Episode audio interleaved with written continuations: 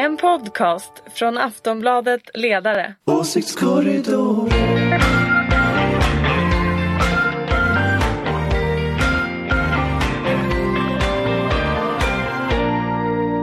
Hej och välkomna till Åsiktskorridoren. Det är återigen måndag när vi spelar in.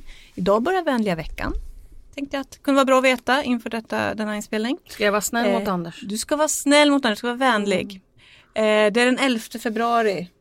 Vi har precis ätit lunch när vi spelar in det här. Eh, med oss idag för att prata om politik har vi Ulrika Schenström som är moderat. Hello?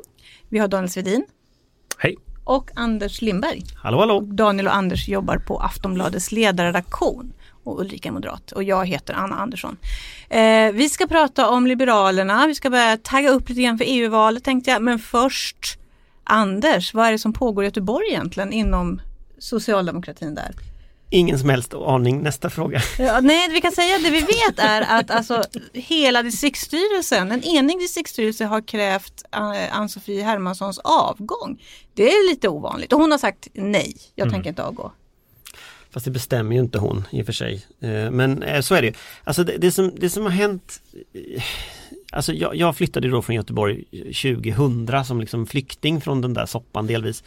Eh, för att det, det är ju, det är ju så här alltså från en ju i Stockholm, vad Ja, ser du? fr- från min exil här i Stockholm, det, det är, Göteborg har ju en, en nästan magisk förmåga att klanta till saker hela tiden. Och det vi såg då i förra mandatperioden det var ett skifte mellan eh, Anneli Hultén som ju var, var ordförande i kommunstyrelsen och, och eh, kommunalråd hade då sossarna styrt i 22 år i kommunen eh, och 2016 så tog då Ann-Sofie Hermansson över efter en, en, en process ändå där, där hon lyftes fram av, av Anna Johansson som ordförande.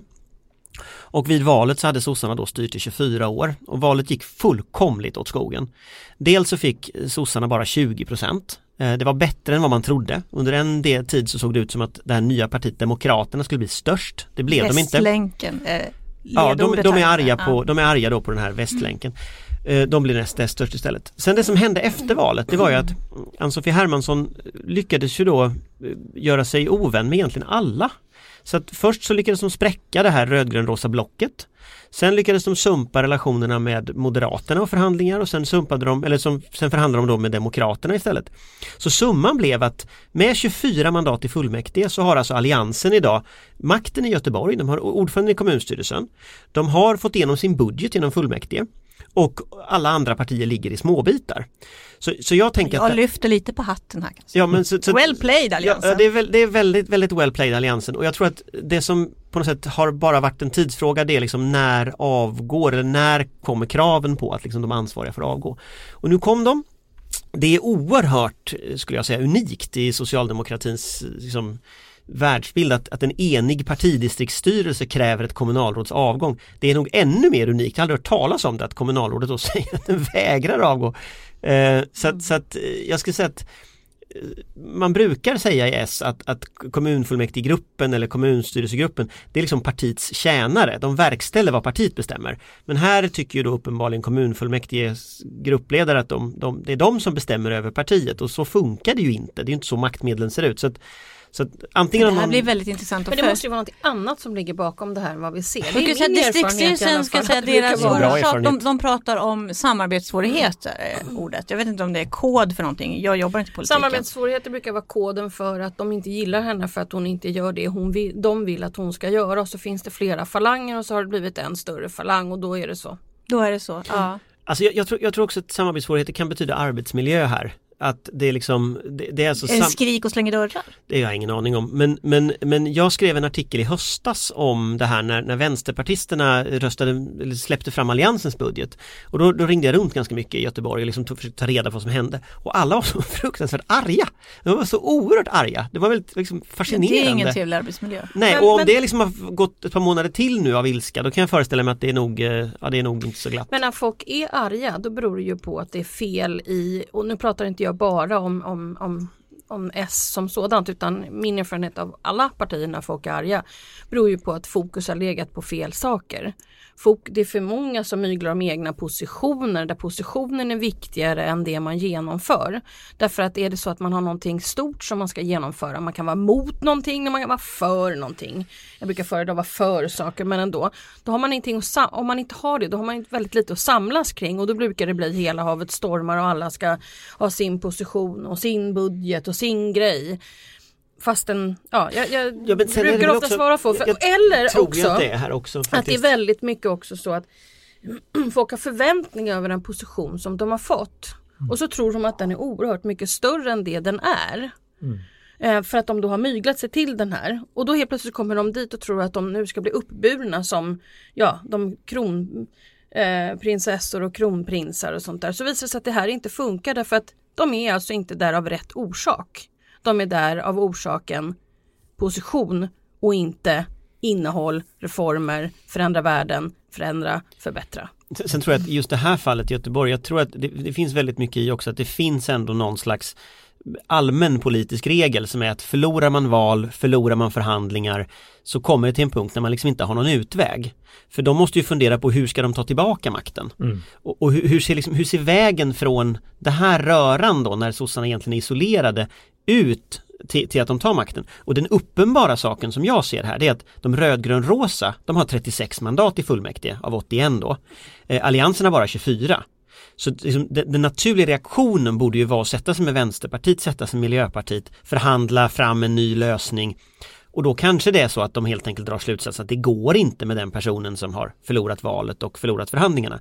Så att, så att det är inte som ologiskt. Men, men det spännande nu är att någon måste ju ha liksom räknat fel här. För de, om, om de ska bli en showdown nu på en partikongress. Då, I april kommer den, läste jag på. Okej, och det är i april. Om- Men det låter lång tid till april. Då är nästan Mm, det, så, EU-valet. det var nästa som sa också, vi kan inte vänta till Nej, april. det, det, låter, det låter väldigt långt. Men, men, men spontant, då blir det liksom, då blir det inför öppen ridå. Det vore ju ohyggligt pinsamt för alla. Men samtidigt är det ju roligt för oss, Men då kan vi ju lite titta spännande. på. Ja, men då kan vi Underbara titta dagar på. framför oss. Då får vi ju se allting. Pressackreditera oss. Ja. Vadå? Boka tågbiljetter redan nu.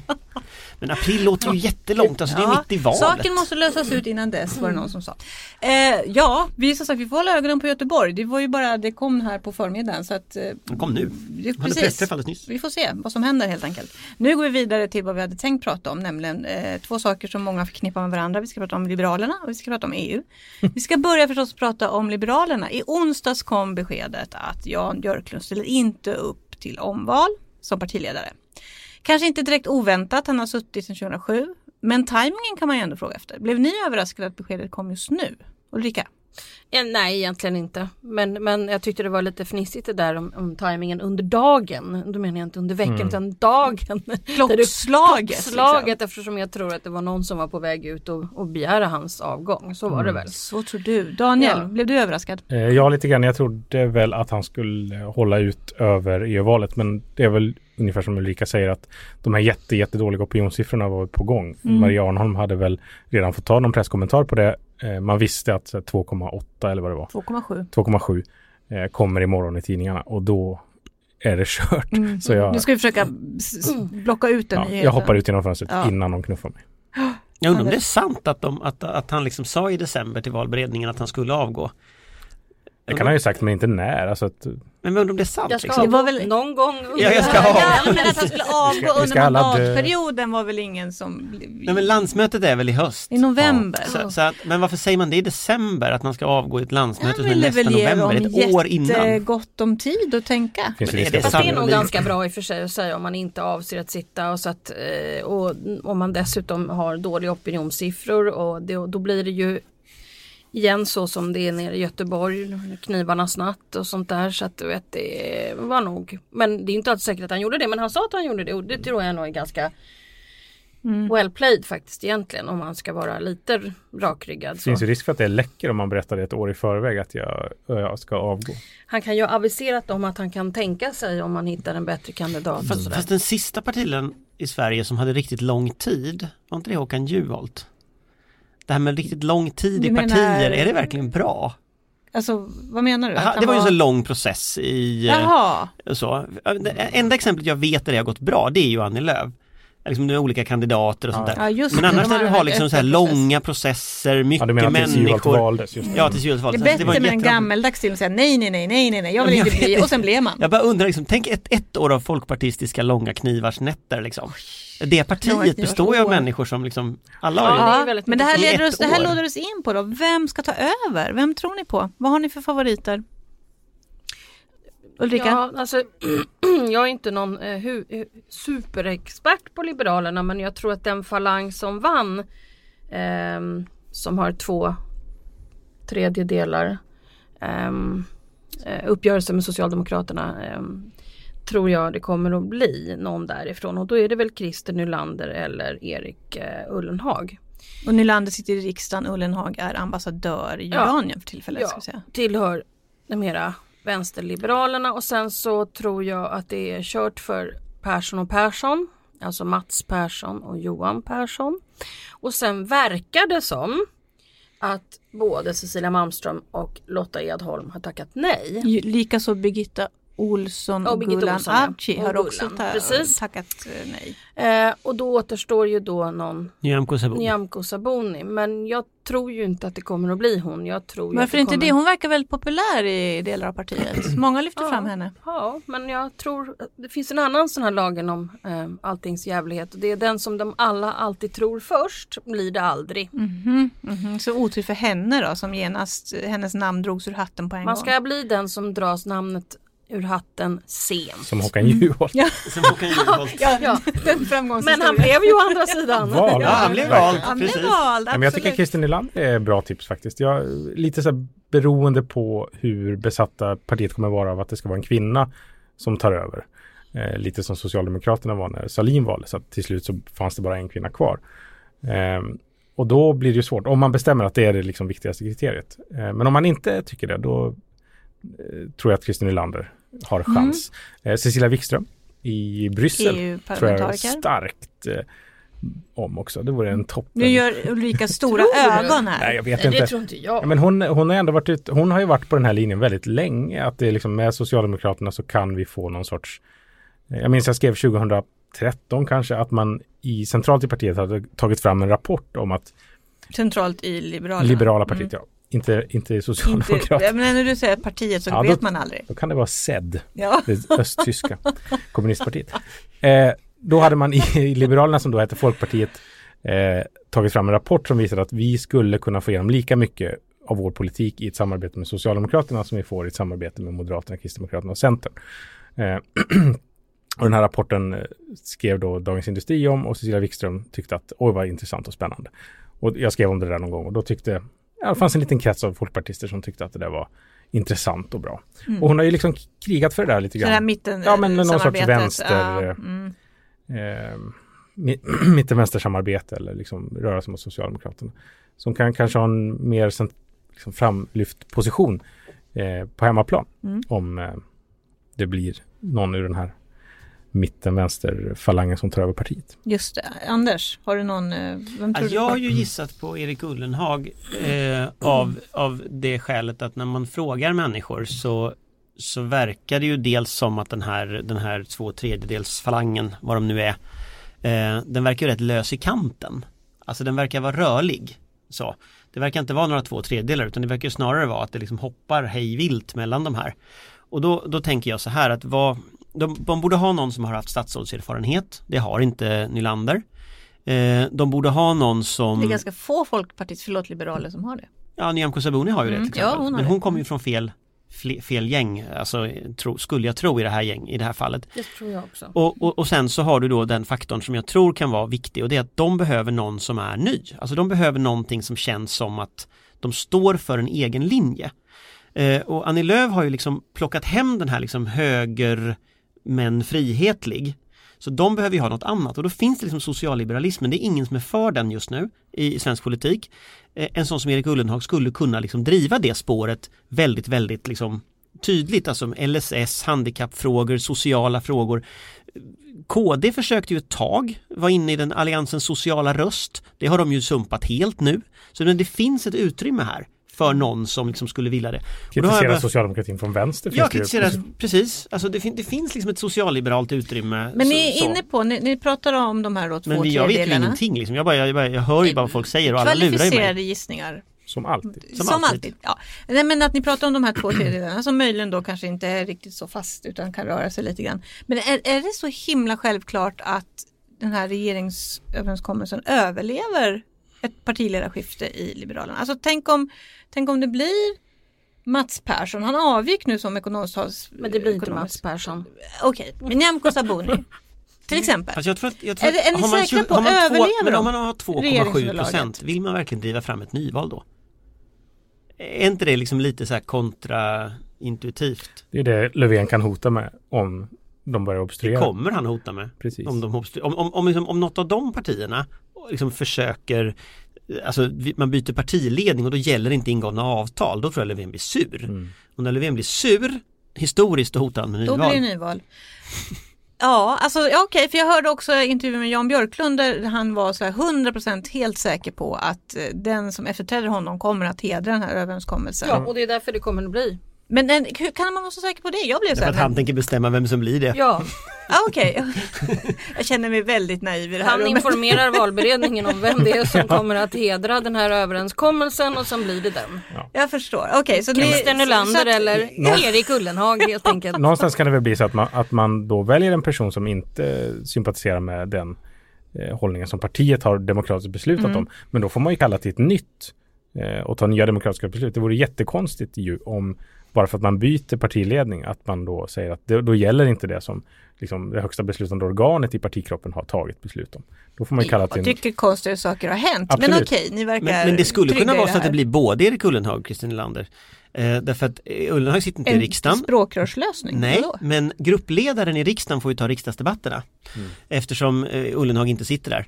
Eh, det är ju den modellen Mm. KD till exempel har haft tidigare. Så kan det bli. Eh, och då löser man, Mm. eh, då löser man liksom ut, eh, ja nu vet jag inte hur man kan vara två tredjedelar av 2,7 procent men man, man breddar i alla fall Då underlaget kan man samla lite. sin aula i alla fall. men Maria, Maria Arnholm är väl också ett sånt? Jag tänkte säga Arnholm då. ja, Hennes Hon namn hör stats- man ju ändå. Och sådär, och, ja. och var ju liksom Hon kan ju fortsätta som partisekreterare. ja, är, är hon bra på det? Eh, svårt Jag att säga. tror hon är bra Hon på det. var ju kronprinsessa lät det som ett tag men sen Ja. vet jag inte, sen försvann hennes namn Det lite. var ju lite så när hon togs in kändes det som att det var liksom en tribut eh, som Björklund gjorde till det här Westerbergsgänget att titta nu eh, liksom vi är feminister utan att vara socialister och liksom Birgitta Olsson får en li- allierad här på något sätt. Eh, men eh, hon är ju inte alls i snacket om partiledarposten. Vilket är jag har sett hennes namn ibland. Fast man- snart, man nämner väl snart nästan alla Ja, liberaler. de är 20 personer i Ja, riksdagsgruppen. så det kan Eh. vara alla. Alla är Och, sen, och resten jobbar på olika tidningsredaktioner. Och ingen av, av dem har... Och en i Jordanien. Ja, Ja, sen har du hela partiet. ja. okej. Ja, när vi, när vi pratar om partiledare, det vi vet är ju då, okej, Björklund är på väg ut, Fridolin är på väg ut, Fi, om någon nu skulle bry sig, bytte partiledare i eh, helgen då Schyman slutade och Farida Al- Al- Al-Abani tog över. Ehm, bryr sig någon om Fi nu för tiden? Det var egentligen inte det vi skulle prata om, men jag kände bara det själv när, när det kom upp. Eh, ja, de som är med i partiet gör väl De bryr sig nog. Ja, Vad hade de i förra valet? 0,4 eller någonting? ja de landade väl där någonstans. Det känns inte som Okej. att de kommer att bli... De behöver nog eh, komma upp med en problemformulering som är lite mer bred kanske. Jag såg nu de hade en slogan så här metoo-politik. Eller metoo är lika med fi-politik. Så de försöker sista Du liksom. var tvungen att tänka efter, det var för, det var för smart för mig. Ja. Känner jag. Jag bara, va? Men det är svårt att surfa på en våg som var ett år sedan. Ja, mer Alltså, än, ja, precis, mer ett mer år. ett år sedan. Alltså, Men som ändå den lever, något annat kan man inte säga. Nej, men jag tänker på om, fi, om, om de inte har lyckats liksom, vinna på den än. nej, Nej. det har de inte. det de Nej, inte det är gjort, sant. liksom. Det är sant. Och med Schyman. Alltså blir, Och med Schyman. Nu ska de vinna med, med en ny partiledning som är lite okänd och så. Mm. Det, det, det är nog... För övrigt får jag fråga vad är det. Schyman ska göra nu? Hon skulle göra något. Hon ska bli klimataktivist. Hon ska bli klimataktivist och sen Hon hon ska ska, sitta kvar hemma i kommunfullmäktige i Simrishamn. Och hon ska Och bråka. eh, ja, tjafsa där tror jag att hon tänker Det göra. är ju synd om hon försvinner, hon är kul. Ja det är hon. Men hon är också 70 år och man måste få trappa ner lite. Nej. Och för sig, hon, ska hon ger ett väldigt energiskt intryck. Det, måste Det man får säga. man säga. Ja, hon Mm. verkar inte Jag så tycker hon är rolig. Ehm, synd om hon försvinner. men alla andra partiledare då? Sitter, sitter de säkra resten av dem? Nu ska vi se. Den som har suttit längst nu är förstås Åkesson. Han verkar, Men han verkar ju orubbbar. Han blir den nya Björklund, han avgår aldrig. Lite häftigt med honom är att han har faktiskt suttit som ledare för det här partiet innan de kom in i riksdagen. ja, Det är liksom, han är en riktig långvägare, Ja. det får man ge honom. Men jag tror han kommer sitta ett tag till. Han är ju inte gammal. Eller? Alltså, Nej, och nu, jag, det var någon artikel idag. Nu verkar han ju inte under isen i alla fall. Nej. Alltså han, det är ju jobbigt med politik så att det kan mm, det verkar rätt slitigt. han verkar men han inte så verkar ha, sliten. ja, nej, han har ju haft perioder. han har varit i Thailand och vilat upp sig. Lite svårt att se vad han skulle göra efter liksom, en politisk karriär. Eh, liksom generaldirektör känns ju inte jätteuppenbart. Nej, landshövding i Blekinge. kanske inte heller. vet Så inte. regeringen Löfven vill ge honom. Lobbyist, ja men för vad? Liksom, vad ska han göra grabben? Ja. Ja. Vad ska han göra? Vad ska Ja, men nu göra? låter det som någon annan och jag vet vem. Luftfartsverket. Göran inte, Persson. han, är inte han en sån som, som kommer att liksom kandidera till Europaparlamentet den dag han slutar och sen kommer han att härja runt där istället? Ja. Ja, Alltså Nigel Farage, han blir liksom den nya sån. Alltså inte, inte det en, Ja, i och för sån- sig. Vilken sån är sån det säkert. frifräsare. Ja men det finns, ju en, det finns ju en plattform där för det, människor och det som... finns ju utrymme Ja. för en sån i debatten. Det får man ju säga. Kristersson då, hur säker sitter han? Alltså det måste ändå varit en besvikelse det här valet. Alliansen Nej men det är, nog, det är nog lite sorgset där inne och så. Det är lite så är det nog, deppigt. absolut. och, och, och säga att de gör ett riktigt skitval nu i maj när det är ju Så tror jag det är för partiet. Partiet. Mm. partiet ett annat Så parti. tror jag att Moderaterna kommer att få problem. Jag tror att man måste sluta upp eh, kring eh, Ulf. Eh, för att annars tror jag det kan bli eh, Ja, hela havet stormar. Mm. Och det här har vi pratat det om. blir ju inte enklare. Jag har sagt, du har sagt det här för några Jag veckor sedan. det här blir har ju vi inte enklare eh, att hantera mycket om. Moderaternas problem genom att byta ut partiledare. Men vad, okej, vad är statusen då? Vi pratar ju då om Bayern Skåne, Berlin, Nej, Stockholm. jag lyssnade ju bara ja, för det är på väl ändå halva- det vägvalet det handlar om till Ja, syvende och fast sist. jag är inte så säker på det. är ju väldigt många som vill att det är så det ska vara. Så att man, Men det finns det smart- inte, men det finns väl en spricka i partiet? Ja och nej skulle jag säga. Det är klart att det finns och den, och, den, Ja och, och och, den, och den har ju alltid funnits. Men det är klart att den blir väldigt synliggjord när både Socialdemokraterna och SD gärna vill få upp den och jag Mm. menar läser man i dagens in intervju med Jimmy Åkesson så blir ju jag mörkrädd för han Mm. försöker verkligen pusha Moderaterna till någon slags högerkonservativt block Mm. och då blir jag helt panikslagen. Så att Ja, det, åtminstone så måste Moderaterna börja prata om det på ett sätt så att det liksom vi kommer vidare och då måste man också prata om innehållet i politiken ganska snabbt här. För att annars är jag orolig för att vi hamnar i en situation av, av åsiktsregistrering och det verkar ju sådär halvsmart om jag ska vara riktigt ärlig. Men förstår Gunnar Strömmer och Ulf Kristersson det där? det tror jag absolut. För, för du, du säger ju det och jag hör liksom andra som säger det men de verkar liksom bara dras längre och längre ner i någon slags depressions liksom de, de är jättearga och de har flera så här ledamöter i tycker riksdagen och inte. Europaparlamentet som liksom far runt just nu på Jag tycker Twitter. de är- jag tycker nog inte att de är så arga. De var säkert lite arga först men det tror jag nog inte. Nu har ju För det du säger är ju en ganska stor reform av liksom kommunikation och innehåll och så om de skulle göra det. Framförallt Liksom. innehåll skulle jag säga. Eh, sluta svälla eh, kommunikations och pressavdelningarna och eh, utöka nationalekonomer och jurister. Om vi försöker göra det lite bildligt så att säga. Så tror jag man måste göra. Men det finns ju någonting i Kristerssons, jag lyssnade igenom hans tal som han höll till Timbro eh, på 40-årsdagen. Alltså det, han har ju något spår i ofta sina tal som är liksom någon sorts liksom medkännande konservatism ihop med liksom det här liberala. Alltså ha- ha- Zetterberg-linjen. Ja, det är liksom. Mm. eh, som är superintressant liksom på ett seminariumsätt. Och, Men det är det lång, och det är ju det långsiktiga arbetet som måste Precis. göras. Eh, men sen har det ju varit farligt att, att, att eh, man från början, och det har jag ju sagt tidigare, det har vi ju pratat om i förra avsnittet, det var ju förödande att Anna gick ut, Anna Kinberg Batra gick ut och hade presskonferens om hur man skulle förhålla sig till SD. Det var ju där det började liksom. Så att eh, ja, det finns mycket att göra i det där partiet, men jag skulle säga så här, att byta ut en partiledare i ett sånt här läge tror jag är förödande. Fast, fast jag tänker ändå, jag, ändå, jag ändå kvar där lite där för att, för att jag har så svårt att se hur han ska ta sig ur detta. Därför att även om han idéutvecklar så kommer han ju ha Jimmy Åkesson i haserna från ena hållet. Han kommer nu också ha Ebba Busch Thor i haserna från andra hållet. Mm, Så, Raketbusch så, så, att, så att det finns liksom, det finns just nu en perfekt storm som på något sätt premierar nya saker. Och, och han är gammal i den. Arga saker. Han är arga, väldigt arga liksom små saker men, men och Och han är det gammal i det. att, och då handlar det där om att han måste knepigt. hålla liksom, fokus på sig själv och Moderaterna och inte förhålla sig till allt och alla andra. För det är det som är problemet för ett parti. Men när säg man att, de får, sig- säg att de får 12 procent i Men det vet EU-valet. vi ju inte än. Men Nej, nej, visst, men- det är ju absolut den stora Ja, men faran. nu- Så att jag, det är inte så att jag är emot här Nu Anders. ska Jag vi vet gå, att det är Nu problem. ska vi gå vidare. Men man måste hålla fokuset och inte förhålla sig till andra. Så får vi se hur det går. Men vi kommer väl att prata om EU-valet ganska ja, många vi, gånger. vi ska prata om EU-valet och då kommer nu. vi snart prata om nästa Nu. problem. Nu ska vi prata om EU-valet. Hallå, vi ska prata om Tired of ads barging into your favorite news podcasts? Good news. Ad-free listening is available on Amazon Music for all the music plus top podcasts included with your Prime membership.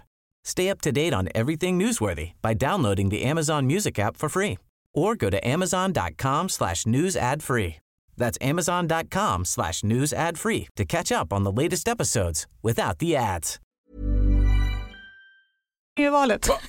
26 maj går vi alltså och ska rösta till eh, EU-parlamentet. Eh, väljarnas intresse brukar vara så där. Förra gången 2014, supervalåret, så hade vi ett valdeltagande på 51 procent att jämföra med 87 i riksdagsvalet i höstas. Det är en ganska stor skillnad. Samtidigt är det många politiker som säger att det här är ett ovanligt viktigt val. Har de rätt? Just det här EU-valet. Ja men det har de ju för att nu, nu får vi ju plötsligt, vi får ju på något sätt ändå ett facit av liksom de här vågen efter migrationskrisen, eh, vågen delvis efter finanskrisen fortfarande som har skvalpat runt hela den här perioden. Trump, Brexit, eh, Marine Le Pens framgångar i Frankrike. Alltså vi, vi ser liksom den populistiska vågen på något sätt som och där finns ju liksom förberedelse för bland högerextremister och högerpopulister att liksom bilda någon slags block ändå i Europaparlamentet av kanske Ja precis, och de har valframgångar i Italien, Österrike, Jo men överallt. Ungern, Så Polen. du kommer å ena sidan att få ett Europaparlament med en 20-30 procent eh, väldigt antieuropeisk kraft så att säga. Å andra sidan så kommer du ha ett antal regeringar. Du kommer att ha Ungern, du kommer att ha Polen som nu. Men sen så vet man ju inte vart tar Österrike vägen, vart tar Tjeckien vägen, vart tar Italien vägen, Slovakien. Alltså du, du har ett råd, i EU så fattas ju beslut med sambes, gemensamt beslut genom att Europaparlamentet bestämmer och rådet bestämmer. Du kommer att ha en ganska stor grupp i rådet som är lite halvgalna, en ganska stor grupp i Europaparlamentet som är lite halvgalna. Alltså det är en extremt tuff situation för EU. Och så på det har du Brexit och liksom hela den processen eh, som rullar nu. Så att jag skulle säga att det är nog det, är nog det viktigaste Europavalet hittills eh, som, som, som, som vi har i vår. Och det, 51 procent räcker ju inte för det är ju inte folkvilja liksom på det sättet. Ja, jag är benägen att hålla med Anders helt här. Så Ja, men, och det, det är intressant också med den här liksom främlingsfientliga högerextrema populistiska kretsen som tidigare har liksom gjort EU-kritiken till det är liksom det viktigaste de har.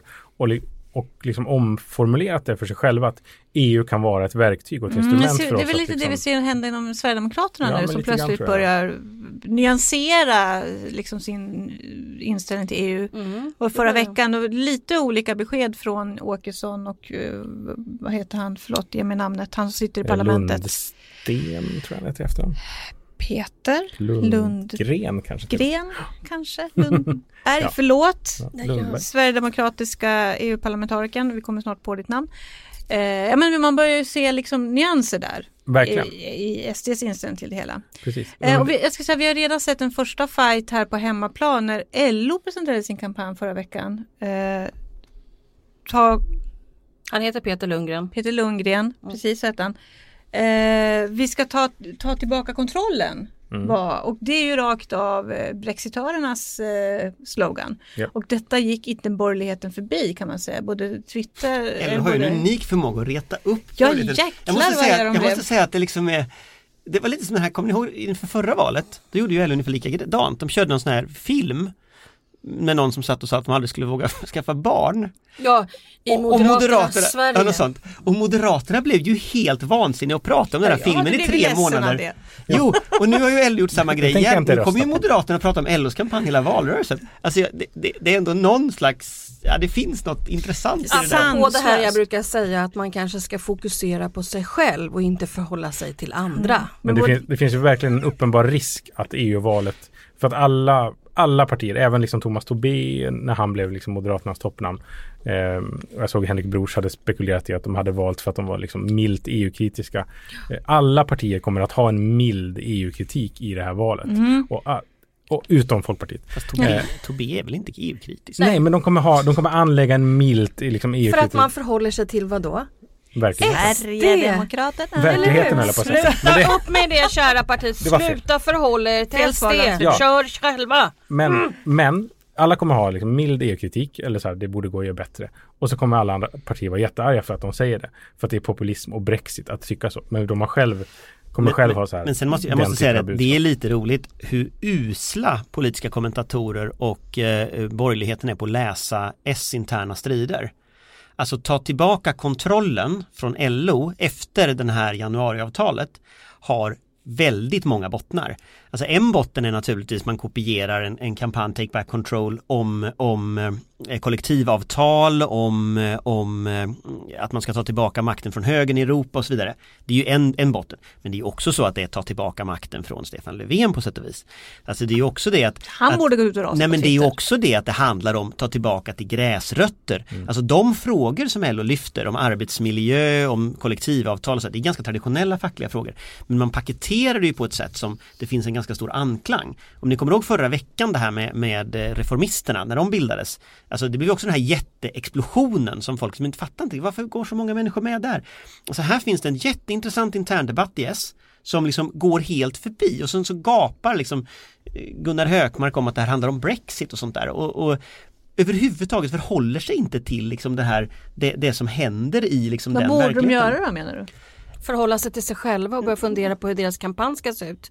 kan ju vara något. Ja men jag tror, ja det tror jag man ska göra men sen tror jag också det att om ingen tycker någonting om Europa på riktigt då kommer det här att bli massa slogans. Då blir det så här, ja till samarbete, nej till terrorism eller något. Och så kommer Alltså, ingen väljare förstå någonting överhuvudtaget. Nej, och, och, och, och det finns ju, egentligen så tycker jag LOs kampanj på det sättet alltså ta tillbaka kontrollen över kollektivavtalen till exempel. Svenska kollektivavtal på svensk arbetsmarknad. Det är ganska självklart.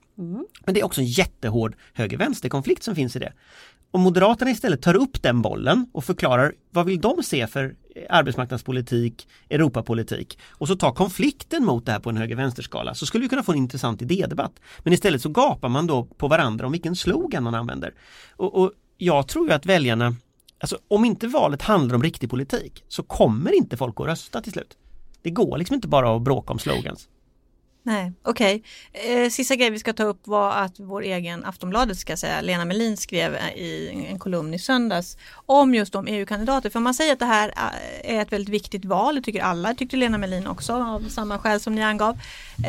Så tycker hon att det var ett jäkla blekt gäng som inte minst sossarna och moderaterna ställer upp med. Socialdemokraternas lista toppas av Helene Fritzon.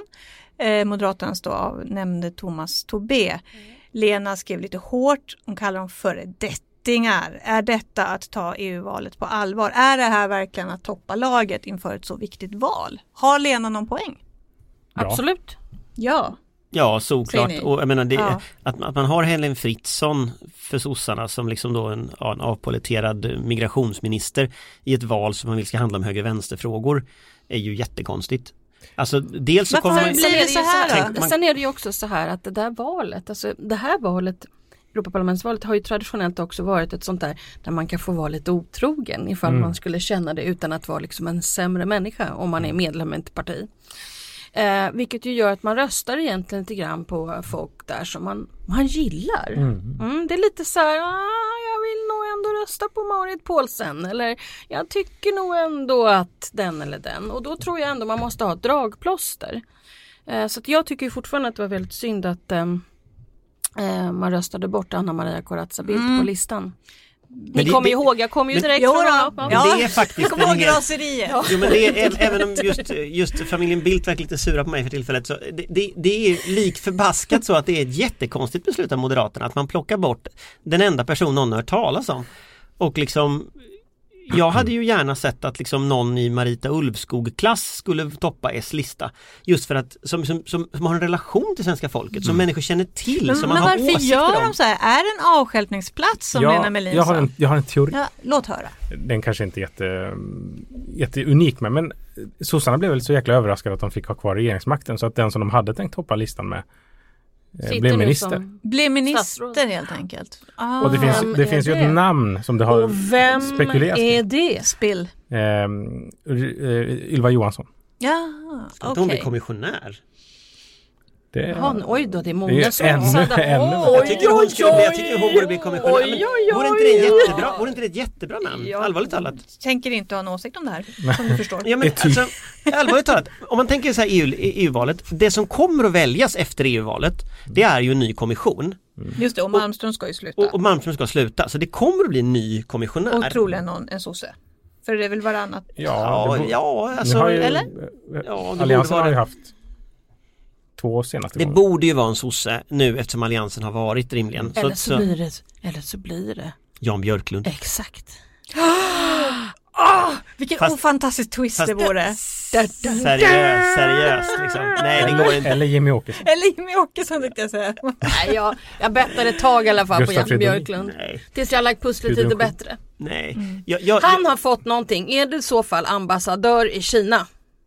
Jag, vem bryr sig Björklund? om det? I, Kina, han- ambassadören i Libanon. Kina har väl avgått nyligen, har inte det? Mm, så det ska in en ny. Kan det vara ja, Jan Det är inte Björklund? det är inte dumt. Men det är ju en fantastiskt bra idé. Det tycker jag. Jan Björklund borde bli Ska de lära ambassadör sig att någonstans. ta av sig mössan i klassrummen i Kina? Minsann. De dansar i Kina har jag sett i sina klassrum. Jag har sett på Swedish YouTube. model. Vad kommer Björklund tycka om det? Det kan man fråga sig.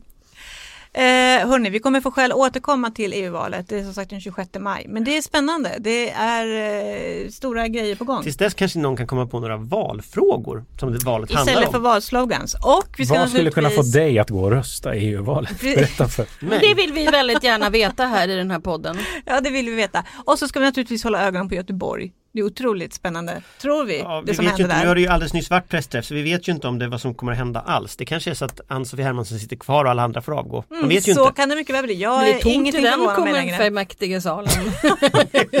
Ja, precis. Hörrni, det är det Vi redan. ska, vi ska tacka för oss och säga ha en, en härlig vänlig vecka allihop. Tack Ulrika Schenström, Dan Svedin och Anders Lindberg. Vi hörs. Är det all, Tack, tack. alla hjärtans dag den här veckan? Ja, där också Mm, på på torsdag. torsdag. På Är det torsdag. därför det är vänliga veckan? Nej, det sammanfaller bara den här gången. Mycket kärlek till alla den här jag, veckan jag, då. jag har försökt just Fett runda av den här podden. Nu säger vi hej då. Hej! Hej, hej.